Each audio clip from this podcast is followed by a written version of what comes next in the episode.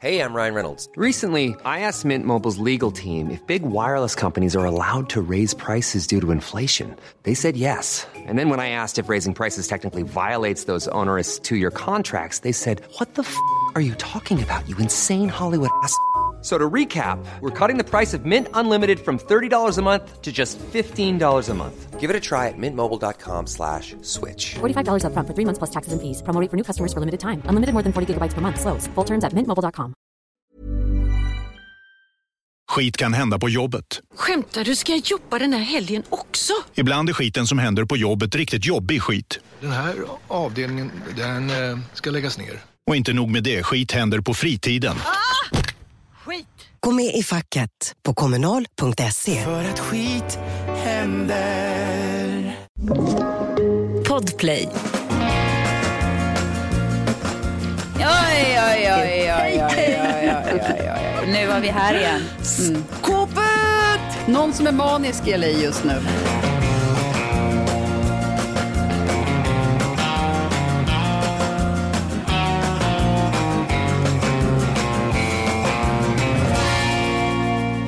Hörrni, i helgen så var jag eh, på en sån här historisk eh, vandring i Gamla stan med barnen. Nu vet, man har suttit hemma ganska många helger. Eh, vi, vi hittar på något. Jag har varit sugen på att gå den där länge, även barnen. Det heter Stockholm Ghost Walk. Om man går i Gamla stans gränder. Där det har hänt väldigt mycket genom åren. Det är ju en, ja, en gammal stad så att det finns ju mycket att se där och så. Och det var prat om här bodde bödeln och här var liksom horhuset och eh, ja, det var mycket spännande liksom anekdoter från förr. Och Stockholms blodbad och hur många som avrättades så här och där och så. Och så beskrev man också hur under pesten då eh, så gick då lä, liksom den som var... Det, läkare fick ju gå runt då till de som skulle dö. Och hade på, han var totalt klädd i läder och hade ni vet, en sån här mask med en sån här näbb som läkare hade. Då. Fy, en vad sån här lädermask med näbb och så la man så små örter och sånt där, där i för att man skulle stå ut med stanken av människolik som låg liksom staplade på varandra.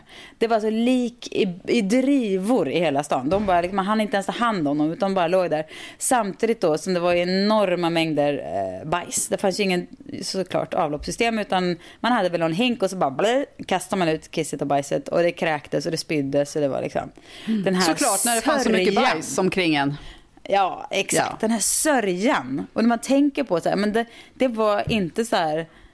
Det här var lite, utan det var ju, det var från födsel till död så var det vad man vankar runt i. En sån total död och sörja.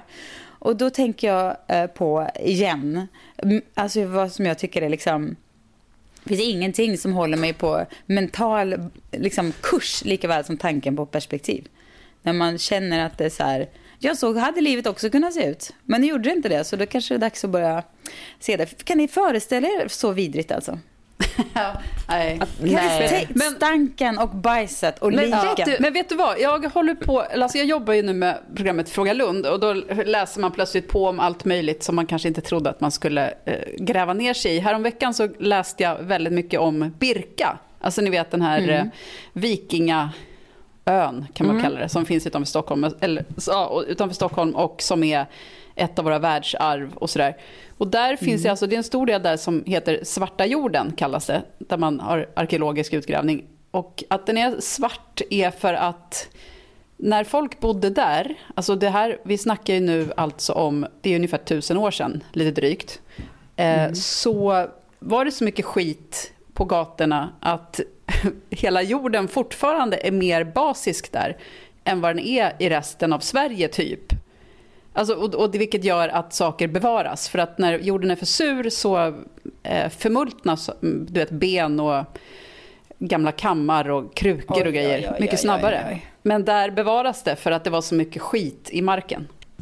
Intressant. Ah, perspektiv hörni. Mm, det, det, Så perspektiv. där kunde man också haft det. Men vet ni, då vill jag komma med eh, från den andra sidan och eh, där vi befinner oss nu. Jag läste nämligen i helgen en eh, text om en läkare, en väldigt ung och snygg läkare, om man får objektifiera någon lite här.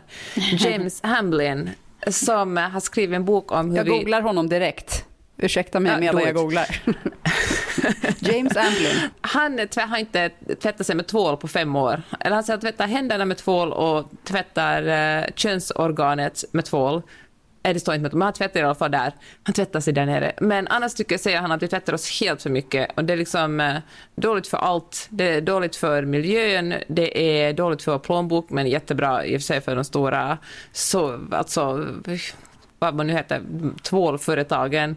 Och, eh, men eh, det är också att sätta bort en massa fetter och, eh, som gör att, att huden blir torrare. Då måste vi smeta på mera fetter. Och, eh, och dödar en massa mikrober och saker. Så att vi, vi, liksom, vi har också är liksom rädda för att eh, lukta som människa eftersom vi använder så mycket parfym, liksom både parfym, parfym men också parfym i, i, i olika produkter. Så liksom människolukten typ det mest, och nu menar jag inte, eller James Hamlin menar inte liksom svett och så här unken lukt utan helt enkelt vanlig Must. människolukt. Must. Musten. Mustigt. Ja, men Musten. någonting som vi tycker är obehagligt.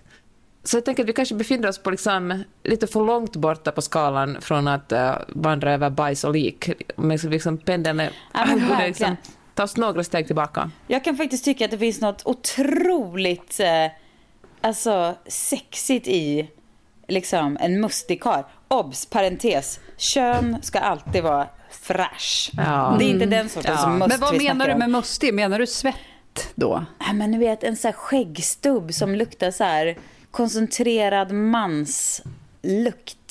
Jag menar en armhåla som kanske är lite eh, någonstans nära kryddhylla i doft. ihop med lite så här, eh, ja men du vet, några jeans som kanske, och, som också så här luktar liv liksom. Ja, jag tycker det är otroligt eh, sexigt alltså. Faktiskt. Det, man, kan, man stoppar in näsan i det där och bara, ah, då, mm, då, då pirrar det till. Jag har verkligen inget emot lukter, alltså, jo, alltså svett och skit tycker jag inte är. Men, eh, Härligt. men så, jag vet inte om det är det att, alltså nu sen jag hade covid och eh, blev av med ganska mycket av mitt luktsinne som ändå har varit svinviktigt för mig. Och nu, li, nu är det tillbaka, men jag litar liksom inte på det till 100%. Jag tror att jag missar lukter fortfarande. Att det finns grejer som min näsa inte bara ger mig. Så när, du, när du beskriver lukten nu så tycker jag att det känns konstigt till och med. Det är som att Men hjärnan eh, det bara, kanske, nej jag kan i inte... ditt fall kanske det är bra Johanna eftersom du ju är väldigt, eh, får vi säga att du är liksom luktsnobb lite grann. Ja, det är jag. Och du är Johanna- material och luktsnobb. Du, Mm. du har ju, det är näsan och fingertopparna som går runt och kommer, längst, kommer först och känner sig för. Absolut. Så är det. Du vet väl om att jag aldrig använder deodorant? Ja, det vet jag. Mhm. Det har jag blivit varse. Nej, men det vet jag. Det har vi pratat om. Du känner du ändå dit? Men, och hur känns det då? Alltså, jag har aldrig känt, upplevt att du har luktat svett. Nej, men det gör hon inte Alltså- heller. Nej. Jag tror, alltså det, jag, jag känner, det, måste, det är något som andra människor tror jag får avgöra. Och det Jo. har ju hänt att jag har luktat svett. Det måste ju ha hänt. Men sådär till vardag. Jag menar om jag ska utföra något otroligt fysiskt aktivt och sen umgås bland människor genast på det. Har det hänt att jag, brukar jag låna Magnus deodorant. Men eh, liksom inte ägt en egen deodorant på 15-20 år tror jag. Jaha. Men du, ja, men det, tycker jag, det tycker jag ändå känns som mål. Men jag, jag känner att det är en jobbig fas att gå över till den. Och det kan också vara så här, alltså svett är oftast ganska fine, men sen kommer man in i någon slags så här mensdag. Och då är det fan inte fine, för då, då är det next level svettlukt man drabbas av. Alltså. Men jag tror Den också att, för jag tycker, det som jag har upplevt är att folk som använder naturlig deodorant, de luktar ofta svett. Eh, Mm, medan de, som kanske inte använder deodorant alls, de har nog inte någon besvärande svettlukt från början, tänker jag mig. Nej. Så jag, jag tror att det är olika hur, Ja. hur mycket ens lukt Sant. luktar. Men Eh, Peppe, du, du luktar ju inte liksom svett på det där svettiga viset. Men det, man, du luktar heller inte det liksom så här... Nej! Put Du luktar Gamla Nej. stan, Peppe. Det här är en intervention, Eva. Det bara Ja, därför vi startade. Vad är det som händer? Nej, men liksom byggt okej. upp till den här stunden. Men hallå, jag började med att säga hur, love, hur Ja. underbart det är med den här... Jag älskar den där doften av människa. Jag tycker den är fantastisk. Och jag säger inte att du luktar så här kar. Eh, det är inte på det viset. Men du har ju precis Men sagt det- att korv luktar jättegott. Jo, men kanske inte om man... Jo, okej då. Det stämmer. Men jag tänker på att det, det är kanske mer att avsaknaden av den här liksom pudriga deodorantdoften som kanske är Mm. som ett litet layer annars, finns inte där. Så man, går, man känner, kan direkt känna en, en, en kvinnodoft som är väldigt lik mansdoften, fast kanske lite, lite, liksom lite mindre grov. Ja, eller direkt Ja, jag tar det. det. Ja. Jag tar det. Ja. Alltså, jag Sissan, dig eh, träffar ju oftare Johanna fram tills nu i sommar. Du kommer att träffa er båda extremt mycket. Men eh, ja, du har ju en väldigt... eh, du har ju en väldigt speciell parfym som du använder och när jag Mm. eh, känner den i klädesplagg eller, liksom, eller bara kramar om det, då kan jag faktiskt... Liksom, spännande hur starkt luktsinne är förknippat med känslor. Då kan jag verkligen bli nästan sådär gråtmild för jag tycker det är så fint att ha dig nära. Det liksom går rakt in i, Ja, men i Sissons parfym är ju känslocentret. ver- verkligen speciell. Är Nej, det- men alltså ja. den känns. Alltså den, den, Den känns. den, den, eh, smyger inte undan, utan den, man, den Nej, det kommer ju direkt. Jag har ju blivit, tyvärr blivit helt... Jag känner den ju inte själv längre, tyvärr. Ja, men du vet, det kan vara så här att om jag träffar dig och sen så kommer jag hem Mm. och sen så säger typ något av mina barn, har du träffat Sissan? Är det sant? Ja, och då luktar jag ju inte så himla mycket av dig. Fast det är någonting med om vi då liksom har nuddat varandra eller om vi har kramats eller någonting så finns det säkert kvar en lukt. Och det finns också någon som har den tror jag som jobbar på Arket på Drottninggatan. Alltså i affären Arket. För att ofta när jag är inne där så känner jag det och så tänker jag, va? Är Sissan här? Du vet, och så står jag liksom där och stirrar mig omkring som en galning. Och sen inser jag, nej det måste vara någon som det. jobbar. Ja, alltså det är ju härligt att hitta sin parfym. Och nu skulle det ju vara eh, logiskt och lämpligt att säga vad det är för parfym. Men jag har lärt mig av de som driver butiken Kao, som ju väl ändå är Stockholms utan tvekan bästa smink älskar. och parfymbutik. Um, har sagt att man måste absolut inte svara på vem, vem, vad man har för parfym. För det är en så personlig sak. Så jag måste inte berätta nu för alla vad det är för parfym. Däremot kan jag säga att det finns ett härligt parfymmärke som heter Fredrik Mall. Som har väldigt många härliga, mulliga, unika dofter. Och det är där någonstans finns min parfym. Skit kan hända på jobbet. Skämtar du? Ska jag jobba den här helgen också? Ibland är skiten som händer på jobbet riktigt jobbig skit. Den här avdelningen, den eh, ska läggas ner. Och inte nog med det, skit händer på fritiden. Skit! Gå med i facket på kommunal.se. För att skit händer. Till alla professionella hantverkare. Vore det inte skönt med ett batteri som funkar till alla verktyg?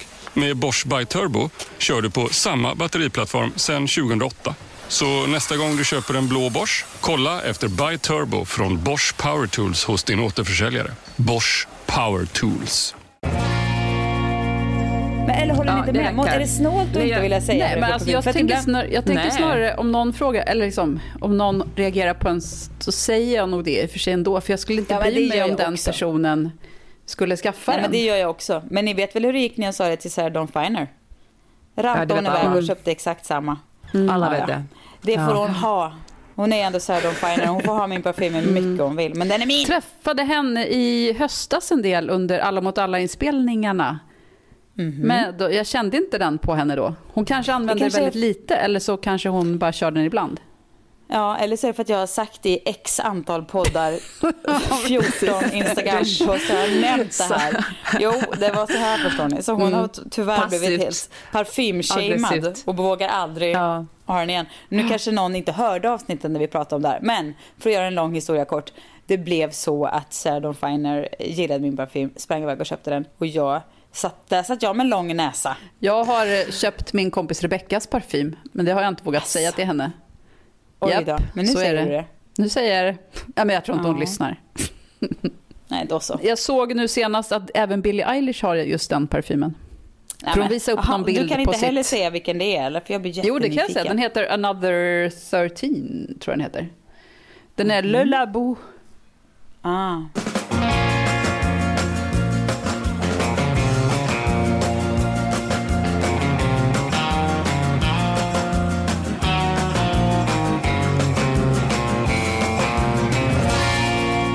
Insåg idag, för jag satt och pratade med min kompis Lisa, och eh, att jag har smittat henne med en eh, någon sorts, eh, ja men vad ska man kalla det, någon sorts fix, tankefixering. Alltså någon dålig, man har hakat upp sig på någonting. Och jag, har, jag insåg häromdagen att jag även har smittat min vän Pernilla med det här. Och nu kommer jag dra den för alla er, så att nu kanske det är fler som kommer lida av Oj, oj, Det, här, oj. det som vi kallar för Demi Moore-knä efter. Och, jo, jag läste då en artikel om Demi Moore, att hon hade eh, skämdes för sina knän och hon ville operera dem för att man såg på knäna att hon hade åldrats. Och då tänkte jag, gud vad konstigt, det här är jätte, jättemärkligt. Varför skulle man vilja operera sina knän? Och sen så går det 20-25 år och så ser jag plötsligt en dag, nej men mina knän, de, du vet, huden ser inte ut som den har gjort. Johanna, det här viruset har du planterat i mig för eh, 28 år sedan när vi träffades Ja, jag första har gången. gjort det, jag visste väl det. Det finns i mig. Jag bär på det. Det är Jag har tänkt på mina För man knän börjar tänka sen på sina det. knän. Och sen så måste Ja. man liksom bara, alltså sen är det bara så här, ja, ja, ja, knän, knän, knän. Och sen så får man bara släppa och gå vidare. Men ändå, det lever i en. Jaha, du menar att man ska börja tänka på det nu också? Ja, men det... Nej, man ska absolut inte tänka på det. Men däremot så är det så sjukt att något, en sån tanke kan leva. Alltså jag minns ju ingenting. Jag är en sån som aldrig minns något. Men Demi Moores knän och hennes eventuella knäoperation Men var minns de jag. konstiga då? Nej, det var de säkert. Det såg väl säkert ut som vem, vilka små pinniga knän som helst. Men har du sett på dina egna knän? Har de börjat bli så lite hängiga? På, alltså Hängiga, efter 40, de är ju mer, typ? Ja, alltså jag skulle säga att de är mer så här stabbiga. Eller liksom köttiga på något sätt. Ny köttighet, Ja. absolut. Nej, men det är så konstigt. Så det- Och så börjar man tänka på det och då plötsligt så tycker man att nej, de här knäna, de kan ingen få se. Ja, Vilket- Då vill jag att ni gör så här på tal om knän. Då vill jag att ni kommer ihåg den gamla supermodellen Paulina Poriskova eller Por, Poriskova. Ja. Gå in på hennes Instagram nu. Kan ni Jaha. göra det? Har ni en telefon? Paulina Poriskov. Ja. Så går ni ner Ja, en, två, tre, fem, sex, nio poster. Det är liksom två, hon är ju 50 plus någonstans. Det är liksom två bilder på henne. Åh, här är hon. Poriskov. Mm. Ja. Nionde posten innan nu, där står hon i, det är två bilder på henne i ett par gröna Mm. trosor. Jag är här. Nu är vi där. Och i texten står det något, men hon har alltid haft liksom issues med sina knän. Därför att hennes agent har sagt, det ser ut som du har en, en, en kerub på knäna. Mhm. Man zoomar in på knäna. Och ja, mycket riktigt. Hon har små Ja, keruber på knäna. Ser ni? Man vill typ bara säga, nej det har du inte. Men jo då, hon har det. Det är helt sjukt. Det är väl någonting att sträva efter ändå. Ja, då har man ju ändå lyckats med liksom, åldrandet och man Ja. utvecklar bebisar på knäna. Jag älskar den, likar direkt. En, en bekant till oss skrev på sociala medier om hur hennes mamma brukar säga att uh, man s- hon brukar tänka så här att om du skulle kokas, skulle du vara en mör och härlig, skulle det vara mört och härligt kött eller skulle det vara, skulle det vara en seg jävel? Och eh, det har jag gått och tänkt på, det har liksom fastnat hos mig nästan lika mycket som Johanna, dina och Demi Moores knän. och, eh, och jag tänkte, fan vad seg jag skulle vara. Ja, du skulle Jag vara så liksom seg en- Peppe. Ja, du är skulle verkligen vara ja, seg. Du skulle äta sist verkligen. Ja, det är en liten, liten filé man kan karva loss där någonstans. Ja, inte men ens det. det, Det är mesta är något- bara seghet. Ja. Det fick mig att tänka vidare på att jag verkligen är uppvuxen i, i alltså 90-talets skönhetsideal var ju liksom Kate Moss, eh, Nothing tastes as good as skinny feels och uh, Nicole Richie och Paris Hilton som gick omkring som skelett på Los Angeles gator och uh, hur kvinnor som hade minsta lilla, alltså en liten, liten, liten mage shameades som bara den i, i liksom alla skvallertidningar. Fy fan vilken sinnessjuk tid det ändå var, var att bli vuxen i. Du menar, att det var, du menar på de tidningarna som jag och kanske även Johanna jobbade på, som var de som, som verkligen piskade på där? Ja, korrekt. Så var det. Så var det, så var det. Exakt. Utan några som helst betänkligheter. Jo, det fanns betänkligheter, men eh, vi snackar liksom tidigt 2000-tal. Då jobbade jag på Tjejtidning och även på Expressen. Ja, då jobbade inte jag med sån skit längre, ska du veta. Då hade jag gått vidare. Men du känner igen temat Ja, i tidningar var ju ganska så här. Man var jag ganska... tror att amerikansk media var ännu värre. Absolut. Mm, Men som jag, jag var ju ändå på Expressen Fredag då som liksom Mm. hade som uppdrag att leta rätt på sånt här för att skapa liksom köpsug. För det var det som Mm. då gobbarna högst upp på Expressen vis, liksom hade fått för sig. Var det det som fick oss särskilt då kvinnor, att gå och köpa tidning. Det var när vi liksom, och det stämmer kanske, jag vet inte, men det var aldrig någon som ifrågasatte det.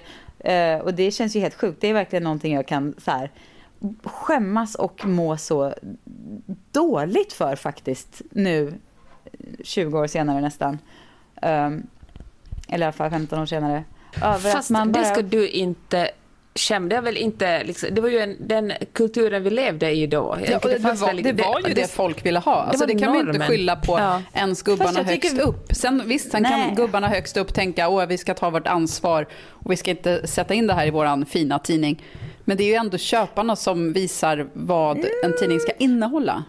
Fast ja och nej. För mm. så där kan man ju hålla på i eh, en evighet då. Alltså någon måste ju ta ansvaret och börja ja, men jag vända tycker på köparna. så här. Jag tycker köparna har det yttersta ansvaret att inte köpa skit. Om det är det som... Både, alltså, alltså, det, tycker ja, man inte både, att det är skit ja, så... Nej. Det finns ju också en massa så här, liksom, sanningar som inte alls är sanningar. Som att det bara får vara vita och blonda Exakt. kvinnor på omslagen. Och så bryter någon det. Och jag tror, att det, men jag tror också att, att tidningarna har en, en uppgift att fostra nu kanske lite för starkt ord, men att visa att det finns andra möjligheter. Och det gäller väl alla branscher, liksom. också Oscars. Liksom. Det går faktiskt bra att ge en Oscar åt en, åt en kinesisk kvinna för bästa regi. Någonting ja. som var, har varit liksom helt otänkbart de tidigare 92 åren när Oscars har delat ut. Jag tänker att man måste, någon måste väl ta det första steget. Ja, Om det inte finns liksom en tidning att köpa mm. med en liksom en svart kvinna på eller vad som helst. Så då, Ja, men den sanningen ja. har väl ändå, den känns väl ändå som att man har passerat. Och att det gjorde man för ganska länge sedan. Men jag minns, jag började jobba på Veckorevyn typ 95. Och då var det verkligen, det skulle alltid vara en rosa eller blå bakgrund. Och det skulle vara en, en blond tjej, gärna i vitt. Liksom. Och det var det som folk köpte. Och det kunde man ju se tydligt på den tiden. Och, eh, och jag säger inte att det är rätt att man alltid gjorde det därför. För att jag tycker att man borde haft såklart flera olika sorter på tidningsomslag även då. Men däremot så vet man att då hörde ju alltid folk av sig och var så här, åh vi vill läsa, det var läsarundersökningar. Bara, vi vill läsa mm. mer om vanligt folk och det ska vara vanliga människor på omslagen och vi vill läsa om politik och eh, sociala... Där, där, där. Och sen så visste man att så fort man skrev om sånt så var det ingen som ville läsa det. Och alltså, det, det stämmer ju inte. Nej. Folks bild av vad man skulle vilja läsa, det stämmer inte överens med mm. vad man sen läser. Nej, men så är det väl förstås till viss del. Men mm. samtidigt var det väl inte någon som försökte kanske jättemycket ändra på det. Det var väldigt många i media då och kanske fortfarande, men nu finns det väl andra röster också.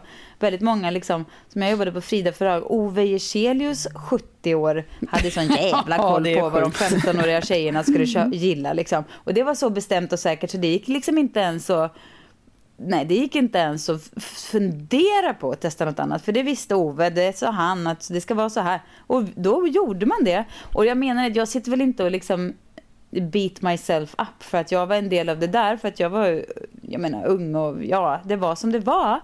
Men jag tycker samtidigt att det är rimligt att reflektera med lite liksom mm. svidande självkritik i det så här 15 år senare. Ja. Jag hade ju kunnat vara personen som bara, hörni, jag tycker faktiskt inte det här känns okej. Okay. Men det var jag inte. Mm. Jo, men jag menar absolut att man ska ha lite självkritik kring vad man har varit med och gjort. Men samtidigt så tycker jag också att det är så ofta jag säger att ah, det är medias fel att det blir så här. Och folk tar inte, alltså det, mm. mediaköparen eller medialäsaren eller mediakonsumenten tar inte sitt ansvar i det. Nej, alltså, mm, för att ingen är ja. ren i det här. Så att ingen kan sitta Nej. och säga att ah, Veckorevyn förstörde mitt liv. Eller du vet, eller vad de nu kan säga. För att det, ja, det, alla har sitt ansvar i det. Nej, det är Men sant. vad tror ni att vad tror ni man kommer se tillbaka på på den här tiden och vara så att men herregud, gud vad det, alltså kunde ni hålla på på det här sättet? Kardashians säger jag bara, Jaha. ett ja. ord. Ja, men jag, jag och Per pratade faktiskt om det i morse i bilen när vi åkte till våra arbetsplatser.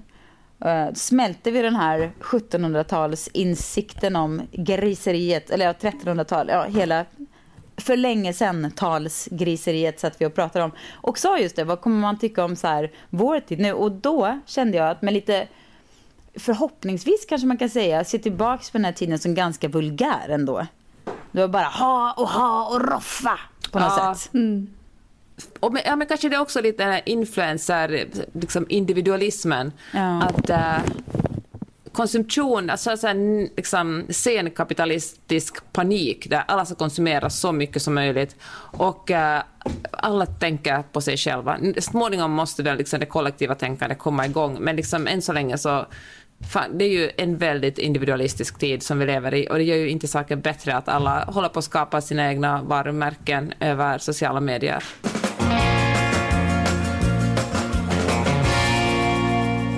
Men hörni, på tal om um, knän. Vi hade, har ju fått lite frågor från uh, lite härliga lyssnare som har kommit med önskemål om ämnen och så vidare. Och då fanns det någon kroppsrelaterad fråga, inte sant? Ja, hur ska man hantera människor i ens omgivning som bantar hela tiden? Ooh. Jag snubblade över en sån tråd på Facebook och uh, liksom en avlägsen bekant som skrev att hon skulle äta den här stenåldersdieten, bara äta kött nu ända fram till sommaren, för det blir man tydligen smalare. Oj.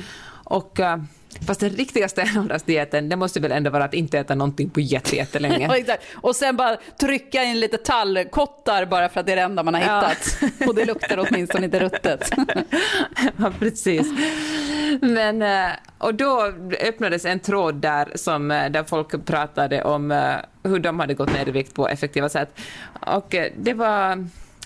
Det var inte en frisk fläkt om vi säger så. Men det som jag mest blev provocerad av, för att eh, det blir, jag blir alltid provocerad av när folk vill äta jättemycket kött, för jag tycker det är så klimatvidrigt och det är också så Alltså, ja, men också djurvidrigt. Jag tror Ja. faktiskt att när man ser tillbaka på den här tiden kommer vi att tycka att vi var såna jävla barbarer som, som eh, åt djur på det sättet vi gjorde. Alltså eller djurhushållningen, hade så industrialiserad djurhushållning med liksom 2000 svin på en gård som aldrig får se ljuset. Nu kanske jag bara, nu kommer det att en massa människor höra av sig och säga att nej, i Sverige är alla svingårdar superbra. Men här i USA är inte djurskyddet så jättehögt prioriterat. Jag har, jag har liksom, jag har vuxit upp med en mamma som i och för sig eh, alltid har varit ganska smal. Men eh, jag menar, ja, hon byggd sån helt enkelt. Men det vill jag ändå lägga till är ju inte en garanti för att man inte bantar. Även jättesmala människor bantar. Banta, det, om vi nu ska använda det jättekonstiga 80-talsordet, men vara på diet, eller vad vi säger nu för tiden, eh, är ju... Ehm, eh, jag menar det gör ju även, så även om min mamma nu var smal så hade hon ju ändå kunnat vara en bantare. Men det var hon inte. Eh, Hon har nog aldrig kommenterat sin kropp negativt eh, inför mig någonsin. inte ens nu när hon är 70 har hon någonsin liksom sagt något elakt om sin kropp. Och det tycker jag är, det är ju såklart, känns ju självklart, men jag menar, det gör ju att jag aldrig ens har haft de tankarna egentligen i mitt huvud. Alltså, jo, alltså det är klart jag har från stund till stund, men inte så att det har suttit i, inte så att det har blivit en prioritet i mitt liv att liksom vara elak mot min kropp, utan jag har, ehm, ja, kunnat gå vidare ganska snabbt från sådana här faser där man bara, hur fan ser jag ut egentligen? Tankarna som vi ju alla har, oavsett storlek och form. Min mamma har heller aldrig någonsin kommenterat sin kropp negativt. Hon, har, hon, är verkligen en, lit, hon är verkligen petit. Men hon har nog alltid koketterat med att hon äter ganska lite. Liksom, nej, nej, nej, alltså det räcker med pytte, pytte, pyttelite mat för henne. Så att det kanske ligger någon ätstörning där som mer har blivit ett normalbeteende på något sätt i botten. Ja, men det tror jag. Men jag tror inte heller att alla kanske behöver så mycket mat. nej. Alltså, så det är väl Nej, det är olika väl hur man är sant, och det men- måste man väl tillåta också att folk inte... ja. Alltså om, Ja, men det finns säkert folk som äter lite som inte har någon ätstörning menar jag. Ja. Men nu kom vi bort från frågan. Vad var frågan nu igen? Hur ska man hantera människor i ens omgivning som bantar hela tiden? Ja, det är jättesvårt. Jag, jag, jag tror att skulle någon så här konkret vara så här, nej, jag bantar, då skulle man ju kunna eh, säga så här, ja, men jag har en, min närmsta, en nära kompis har skilt sig eh, nyligen och eh, är liksom lite så här, wow, new life, new me, eh, så. Och eh, har eh, bestämt sig för att hon ska liksom, ja, tappa några kilo. Och kanske hon tycker att hon behöver det, vem vet. Alltså hon har väl alltid haft någon liten så här kurva men du vet, nej men nu känner hon att det var... Och det kan ju inte jag vara människa och säga att hon inte, nej det ska du inte göra. Utan jag menar det får väl ändå vara hennes beslut såklart. Mm. Så. så att det är ju svårt att, jag menar, lägga sig i. Men jag tycker nästan att det är, jag blir nästan mer provocerad av dem som, eller provocerad eller förvirrad eller liksom handfallen av dem som jag ser och märker och vet är liksom de där smyg smygbantarna liksom. Som inte... Men det är också orättvist. Alltså, Vissa människor har ju helt enkelt lätt, alltså folks, jag vet inte om det handlar om, det handlar, måste ju handla om gener och hormoner och vad det nu handlar om. Vissa människor har ju helt enkelt lättare att eh, hålla den vikten de vill hålla med den andra kämpar. Sen tror jag också att man kan eh, liksom fucka upp sitt, eh, hela sin kropp också genom att ställa in kroppen på svält. Liksom Ja. man bara, nu ska jag inte ge dig någonting. Och kroppen bara, åh det är panik, det är stenåldern. Jag måste spara på varje liten smula av energi som kommer in i mig.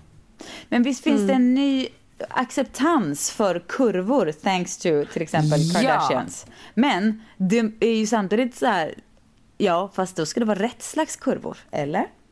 Nej, men jag det är tycker att det har fortfarande blivit... som gäller. Alltså om man tänker alla kroppsaktivister och grejer. Jag vet inte vem eller vad det är som har alltså, gjort den här utvecklingen. Men om man tänker hur många fler eh, alltså mode, när man säger ordet mode känns det aldrig så himla modernt. Men vet, modemärken. Och då menar jag ändå alltså, de trendiga kollektionerna. Alltså, ju, när vi växte upp då fanns det ju inte snygga kläder om man var stor. Nej, att man har rätt att vara liksom sexig även fast man har liksom små bröst och jätteröv eller vad det nu kan vara. Alla slags kroppsformer har ju på något sätt fått en, ett, ett, en chans att äga sin sexighet tack vare sociala medier. Men kommer ni ihåg när Lina Dunham gjorde Girls och eh, hon visade sig naken där och hon blev så otroligt... Eh, men folk hatar på henne så mycket för att hon eh, hade mage att eh, vara tjock och ha ganska små bröst. Hon måste väl ändå ha gjort en enorm... Alltså den gärningen hon gjorde med Girls var jag tror jag, så mycket större än vi fattade på den tiden. Hon, det finns en episod där hon spelar, där hon spelar strippingis med en supersnygg och vältränad läkare. Och uh, han tycker att hon är supersexig, hon tycker att han är supersexig och uh, allt var liksom normalt. Det var liksom inga konstigheter. Hon behövde liksom inte ha en, en så här klassisk modellkropp för att en supersnygg, en så här traditionellt snygg man skulle tycka att hon är snygg. Jag, alltså jag tänker, jag säger att sen vill Lina Dunham, allt hon har gjort har kanske inte varit perfekt, men eh, det som hon gjorde med Girls var väl ändå stort. Ja, men, men minns du hur omdebatterat just det där avsnittet var? Att skulle han Ja. verkligen vara attraherad av henne? Exakt. Det var ju det som också Ja, var men så precis. intressant med det. Nej, hon är otrolig. Hon har Ja. gjort mycket för mänskligheten. Och hon har väl också nu kommit med en klädkollektion för uh, tjocka, som i och för sig är väldigt kritiserad för att den går upp bara till ett visst antal storlekar, men ändå. Men när man, när man frågar, det man undrar är när blir det liksom hottaste hot att ha en röv som är liksom så här ko- konvex, eller vad heter det? Alltså, Som minnet, är du min ja, nu alltså? exakt. Och min. Vad menar du nu? Vadå, en Jag menar att den jättesmal? inte... Ja, nej, smal. Nej, jag konkav. menar att den... Ja, konkav, de att den långa inte- låren, som jag brukar kalla det. Ja, det är jag. Ja, det är jag med. Ja. Bara När lite, det? lite pösigare lår upp till. Ja, när kommer en Ja. specialbyxa och en, liksom, en hashtag för oss? Ja. Det är nu den kommer. Hashtag Ja. långa lår.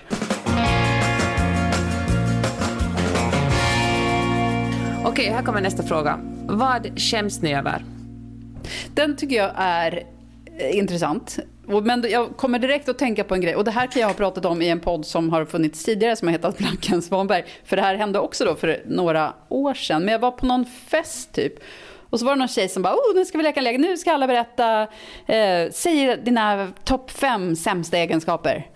Och så skulle man då så bara, och då var jag så här, Vilken men tråkig lek. Ja, Ja, men, men, du vet, hon, för hon bara, jag kan börja för jag har det här och det här och sen ser jag lite så här och säger så här. Och då var jag så här, men du vet, att man bara sitter och suckar. Bara, Fast vad är, alltså, vad är det här för lek? För att det som du skäms över skulle ju aldrig, alltså det är aldrig det som du skäms över på riktigt som kommer ut. Nej. Och det är inte det, Nej. att du säger att så här, eh, och jag är, eh, brukar vara sen, jag bryr mig för mycket. Eller du vet, Ja. sådana där saker. Jag är för snäll. ja, precis. Jag tar jobbet för stort Jag är alldeles för snäll.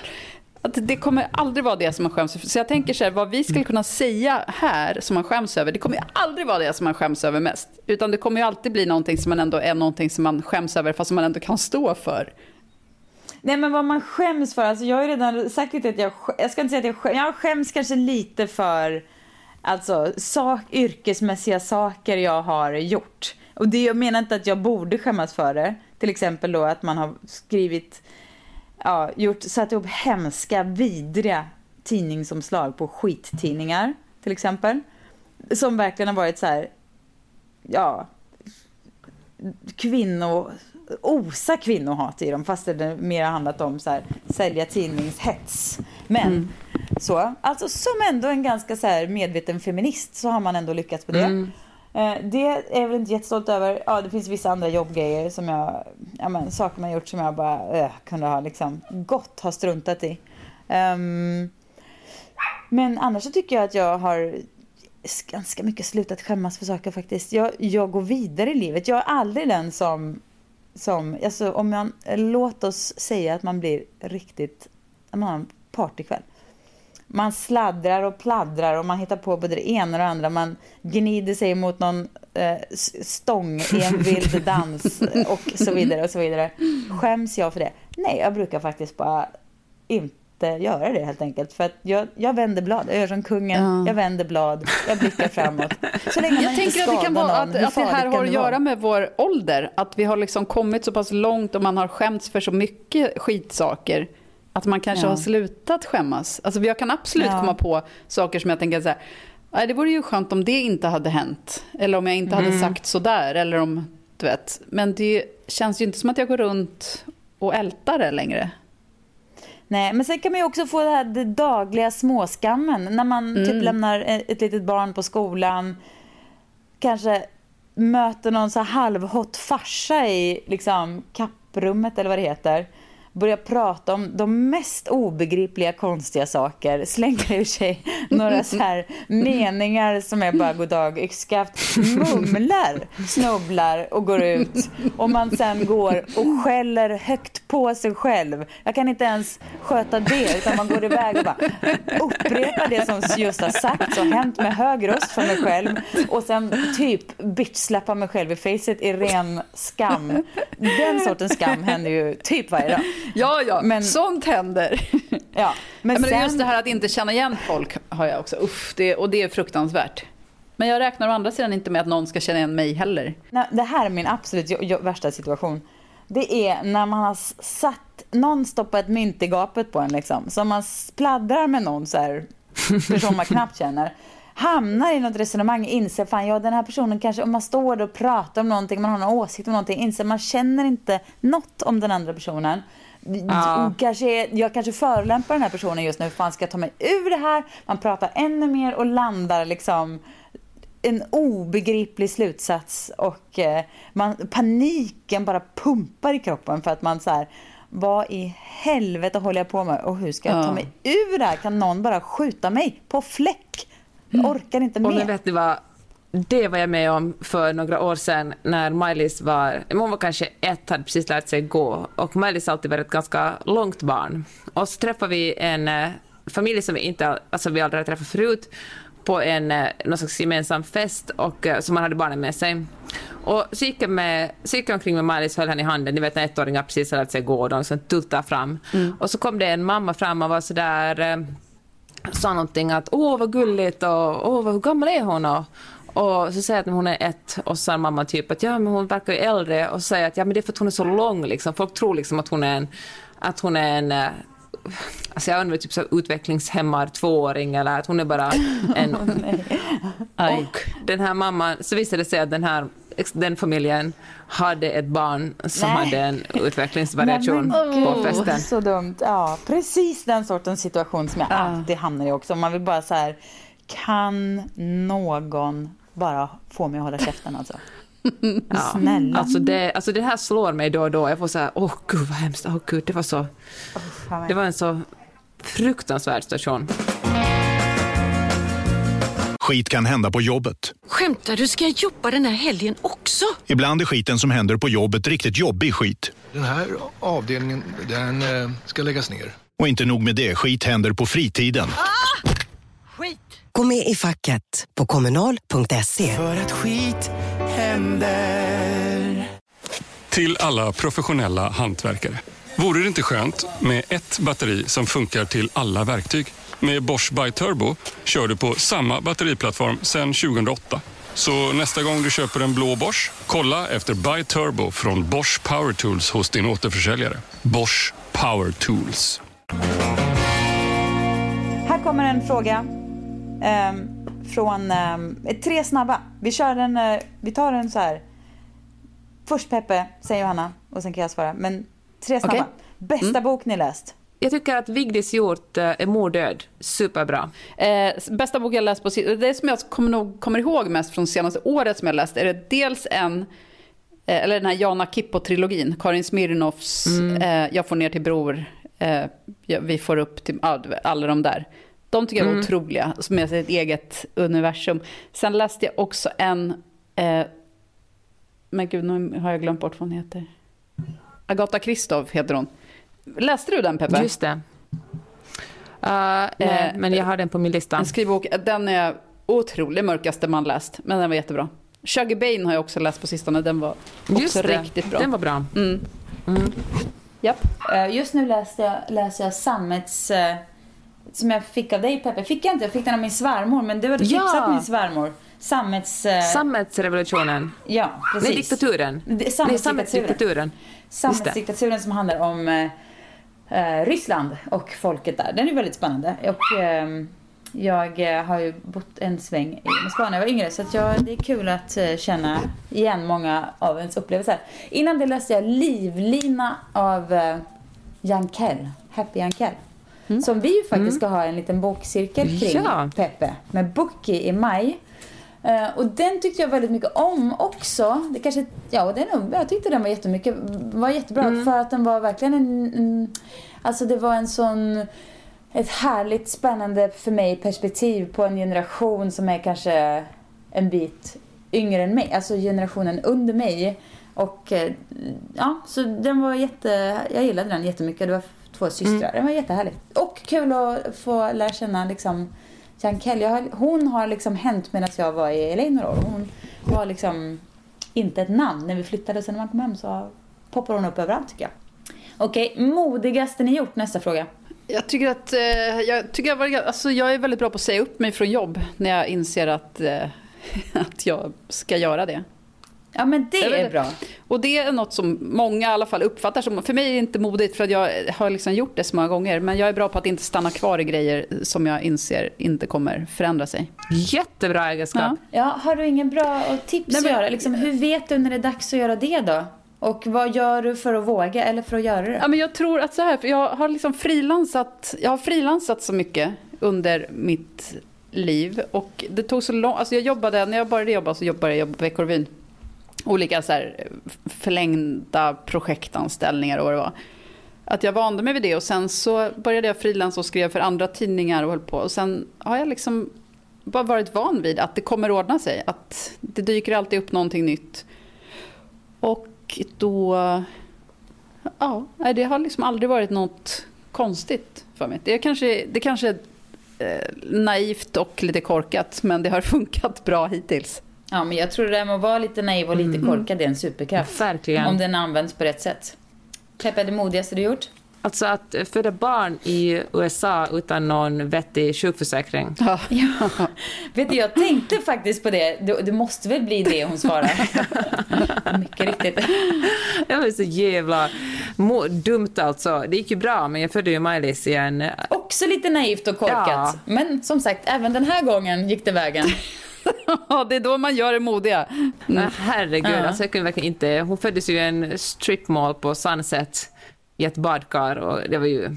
Ja, det var ju tur att eh, allt gick bra där, ska vi säga så. Stripmall, för den som inte vet, kanske tror att det har något med liksom, Strippklubb. st- strippklubb att göra. Det har det inte. Det är en liten utomhusgalleria kan man väl säga. Ja, Ofta ganska... ofta lite sunkig. Ja. En Subway och någon kemtvätt Ja. och liksom... Men tänk den om Maj-Lis är firad, eh, ja, vad hon är, vad hon nu gör med sitt liv. Hon har, kommer ha du vet, vilken, vilken jävla story mm. då på festen. Bara, nej men jag, jag föddes ju på Sunset. Och sen växte jag upp på hästryggen, ja, galopperade när jag var fyra. Ja, hennes immigrantföräldrar som letar efter ett bättre liv i oh. LA. Alltså hon kommer att verka ta den amerikanska historien. Ja, det är bra. Hon, ja, har sin, ja. hon har memoarerna redan, kontrakt på memoarerna. Norstedts ja. kommer ut år 2030. Det modigaste jag har gjort är väl, eh, jag tycker att jag eh, gör ganska modiga saker eh, hela tiden faktiskt. Eh, ja, oj då, oj så ödmjukt sagt, men jag menar... men, nej men starta skoföretag, vad är det för dåre som gör liksom? Naiv och korkad. Till exempel. Ja, naiv och korkad. Naiva och korkade, det kan det här avsnittet heta. ja. ja. Man kan med fördel blanda ihop modig, men modig låter ju så jävla eh, stort. Svårt, men fan våga vara modig liksom. Det låter ju som att förväntningen i att göra något modigt är ju eh, enorma. Ja. Alltså vara modig på riktigt. Det har jag varit vid ett fåtal tillfällen i mitt liv när jag verkligen har eh, inte tänkt utan bara pangreagerat på saker som har varit fel. Mm. Så. Alltså det har verkligen satt mig själv och min ja, ja, det som är viktigt. Alltså jag har satt mig själv på spel så. Jag kan inte, faktiskt inte ens dra upp det för det blir för privat. Men eh, i alla fall.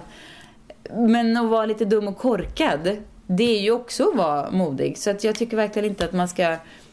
Alltså var gärna lite dum och korkad. För det är, det, det är liksom lättare att vara dum och korkad än att vara modig. För det finns mindre press i det. Och är man lite dum och korkad och inte riskkalkylerar för mycket så, så händer det ju lite mer de där grejerna som man kanske egentligen inte riktigt vågar. Mm. Sista frågan. Hur har ni stått ut i pandemin? Jag tycker att det började ganska lätt. Alltså jag tror ju att vi, har en, att vi är på en perfekt plats i livet för att bli utsatta för en pandemi. För att vi lever i kärnfamiljer och har liksom bostäder, eh, jobb som vi kan sköta från där vi är. Eh, så jag skulle säga att just vi tre måste ju vara bland de minst utsatta för det. Ja, ja men så är det. Ja. Du kan svara för mig också, Johanna, för exakt så är det. Jag har faktiskt... ja. jag har men du har kanske varit instängd lite mer och du har haft barn hemma. Så att ja, där, men vet, jag har ju också haft stranden och hästarna och liksom, ja, så jag har ju haft möjlighet att ta mig ut. Alltså det jobbigaste har ju verkligen varit att ha mm. barn hemma hela tiden. Men det har du ju ändå jämt.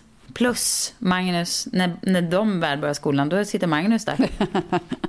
ja, exakt. Så det, ja, jag, är ju aldrig ensam. Och hans blöjor, det är inte kul. Det är inte kul. Nej. Det är som Gamla stan förr i tiden. Men man älskar ju också den manliga lukten. Okej, nu tog jag det för ja, I alla fall Sissan gör det.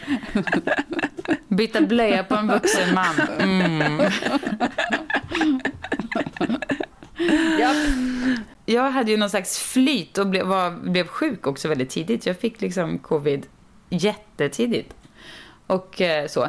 Eller fly, men alltså nej, det hade jag helst absolut inte haft för det var ganska jobbigt. Men, men, ehm, men jag, jag visste ju att, ja okej okay, jag klarade det mm. liksom. Jag, så. Men sen har man oroat sig för alla andra förstås, men för egen del och för familjen så. Och för, så har det varit ganska... Och sen har jag, tycker jag att det var... Jag vet inte, det är mycket annan oro som har släppt för mig med pandemin. Det är konstigt faktiskt. Men jag tror att, alltså nu, det så här gamla stan i pesttid, det är liksom...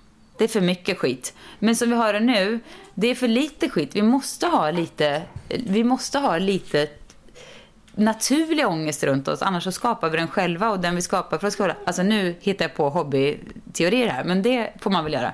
Den vi hittar på själva är kanske värre än den som, jag menar, är mindre lättare för den är mindre konkret.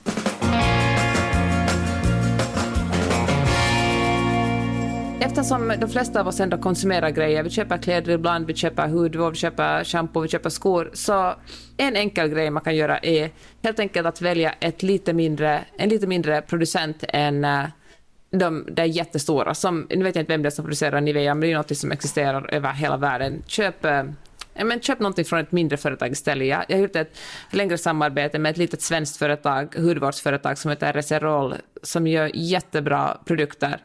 Eller om man ska köpa skor, så köp, sista nu gör reklam för dina skor, men liksom, istället för att köpa från de jättestora producenterna kan man väl ändå gynna en, en mindre företagare där det verkligen gör en jättestor skillnad. För du tänker att det sitter en massa jätterika gubbar som äger de stora företagen. Varför inte rikta sina pengar mot det? mindre enheter istället? Verkligen. Mm, håller verkligen med. Då måste jag ändå fråga, vet man att det alltid är bättre? Alltså jag förstår att det är bättre för den lilla företagaren. Men produktmässigt? Jag tror att det alltid är bra med ett företag som inte har liksom vinst som Alla mål. företag har väl vinst som mål? Det finns ju de som är liksom börsnoterade stora företag har ju liksom sådana av ägare förväntningar på sig att det ska vara miljardvinster och sådär. Ett vanligt företag som mitt lilla företag, jag är ju skitnöjd om jag kan ge ge mig själv och ett par till en, en, en decent lön. Sen behöver inte jag ha någon fet vinst för det. Jag behöver alltså gå runt och kunna ge lön. Men jag, mitt mål är inte... Hade mitt mål varit att göra vinst, då hade jag ju behövt dra ner på mina... Alltså skapa större marginaler genom att ha billigare produkter och högre priser och sådär. Mm. Jo, men jag menar, jag kan tänka mig att du måste vara ganska unik i, i småföretagsbranschen. Att de flesta startar väl ändå ett företag för att de vill kunna Mm. tjäna mycket och gå med vinst. Det tror inte jag faktiskt. För jag har tänkt på, för det har ju startat så otroligt många små underklädesföretag i Sverige de senaste åren. Alltså som ska vara lite så här på kvinnornas sida, man är sexig på sina egna, egna villkor och sådär. Och det kan ofta se väldigt bra ut, men de är ju inte svinbilliga. Och jag har så svårt, man kan ju inte köpa dem i affärer, de fin, finns typ bara på nätet tror jag. Jag har i alla fall aldrig sett dem i någon affär. Och där har jag väldigt svårt att slå till för att man tänker sig men det här ser ut som gam, samma gamla Lindex-spetsar. Men varför ska jag betala fyra gånger så mycket för dem? Alltså det får, måste gå först vad det är för produkt och vad man tycker och sådär. Men jag tror absolut att det finns en... Jag menar de flesta företagare, inklusive mig själv, startar ju inte ett, sko, ett, företag, eller ett skoföretag, men något företag för att man är så här, nu ska jag bli miljonär. Utan man gör det för att man tycker att man har en bra idé, någonting man brinner för. Alla de här underbara, otroliga personerna som driver butiker runt om i landet. Alltså klädbutiker till exempel. De, alltså de kan ju knappt ta ut lön. Det är ju knappast att de gör det för att de ska bli rika som troll. Utan de gör det för att de har gillar sin idé och så. Och det finns ju massor med härligt man vill uppmuntra det. Plus att många av de här företagen är kvinnoägda också, vilket känns superkul och coolt. Jag har till exempel börjat eh, tänka att man kan ju beställa så här från företag man tycker är bra. Som till exempel jag, finns ett, en kille som jag sprang på på LinkedIn som var invandrad från Kongo och eh, kopplade ihop sitt nya hemland med sitt gamla hemland och började importera kaffe och det här kafferosteriet anställer kvinnor och du vet så här, bra historia. Då tänker jag, då kan vi göra lika gärna köpa storpack med kaffe därifrån. Som att jag ska gå till Coop och köpa det. Och så har jag också börjat köpa schampo och balsam på liknande sätt. Och även skönhetsprodukter tänker jag man kan. Ja, men det är svinbra. Jag är helt för det. Ja, men det kanske vi kan göra en, en lista på om vi har bra tips och också om du som lyssnar på den här podden har ett jättebra tips på ett litet företag som du vill, som vill tipsa om får du jättegärna på och göra på i vår Facebookgrupp. Ja, verkligen. Ja, så kan vi sa- Och det kan vara ditt eget företag, men berätta det i så fall. Ja, just det. Kul hörni! Då säger vi tack för den här veckan. Slår vi fast äh, skåpluckorna? Japp, nu stänger vi skåpet. Men vi hörs Ja. snart igen. Det gör vi. Ja. Det gör vi. Gå in och följ oss på Instagram och snälla, snälla, snälla ge oss några kommentarer och kanske några stjärnor på iTunes. Då blir algoritmerna och framförallt vi superglada. Tack för den här veckan. Hej. Hej!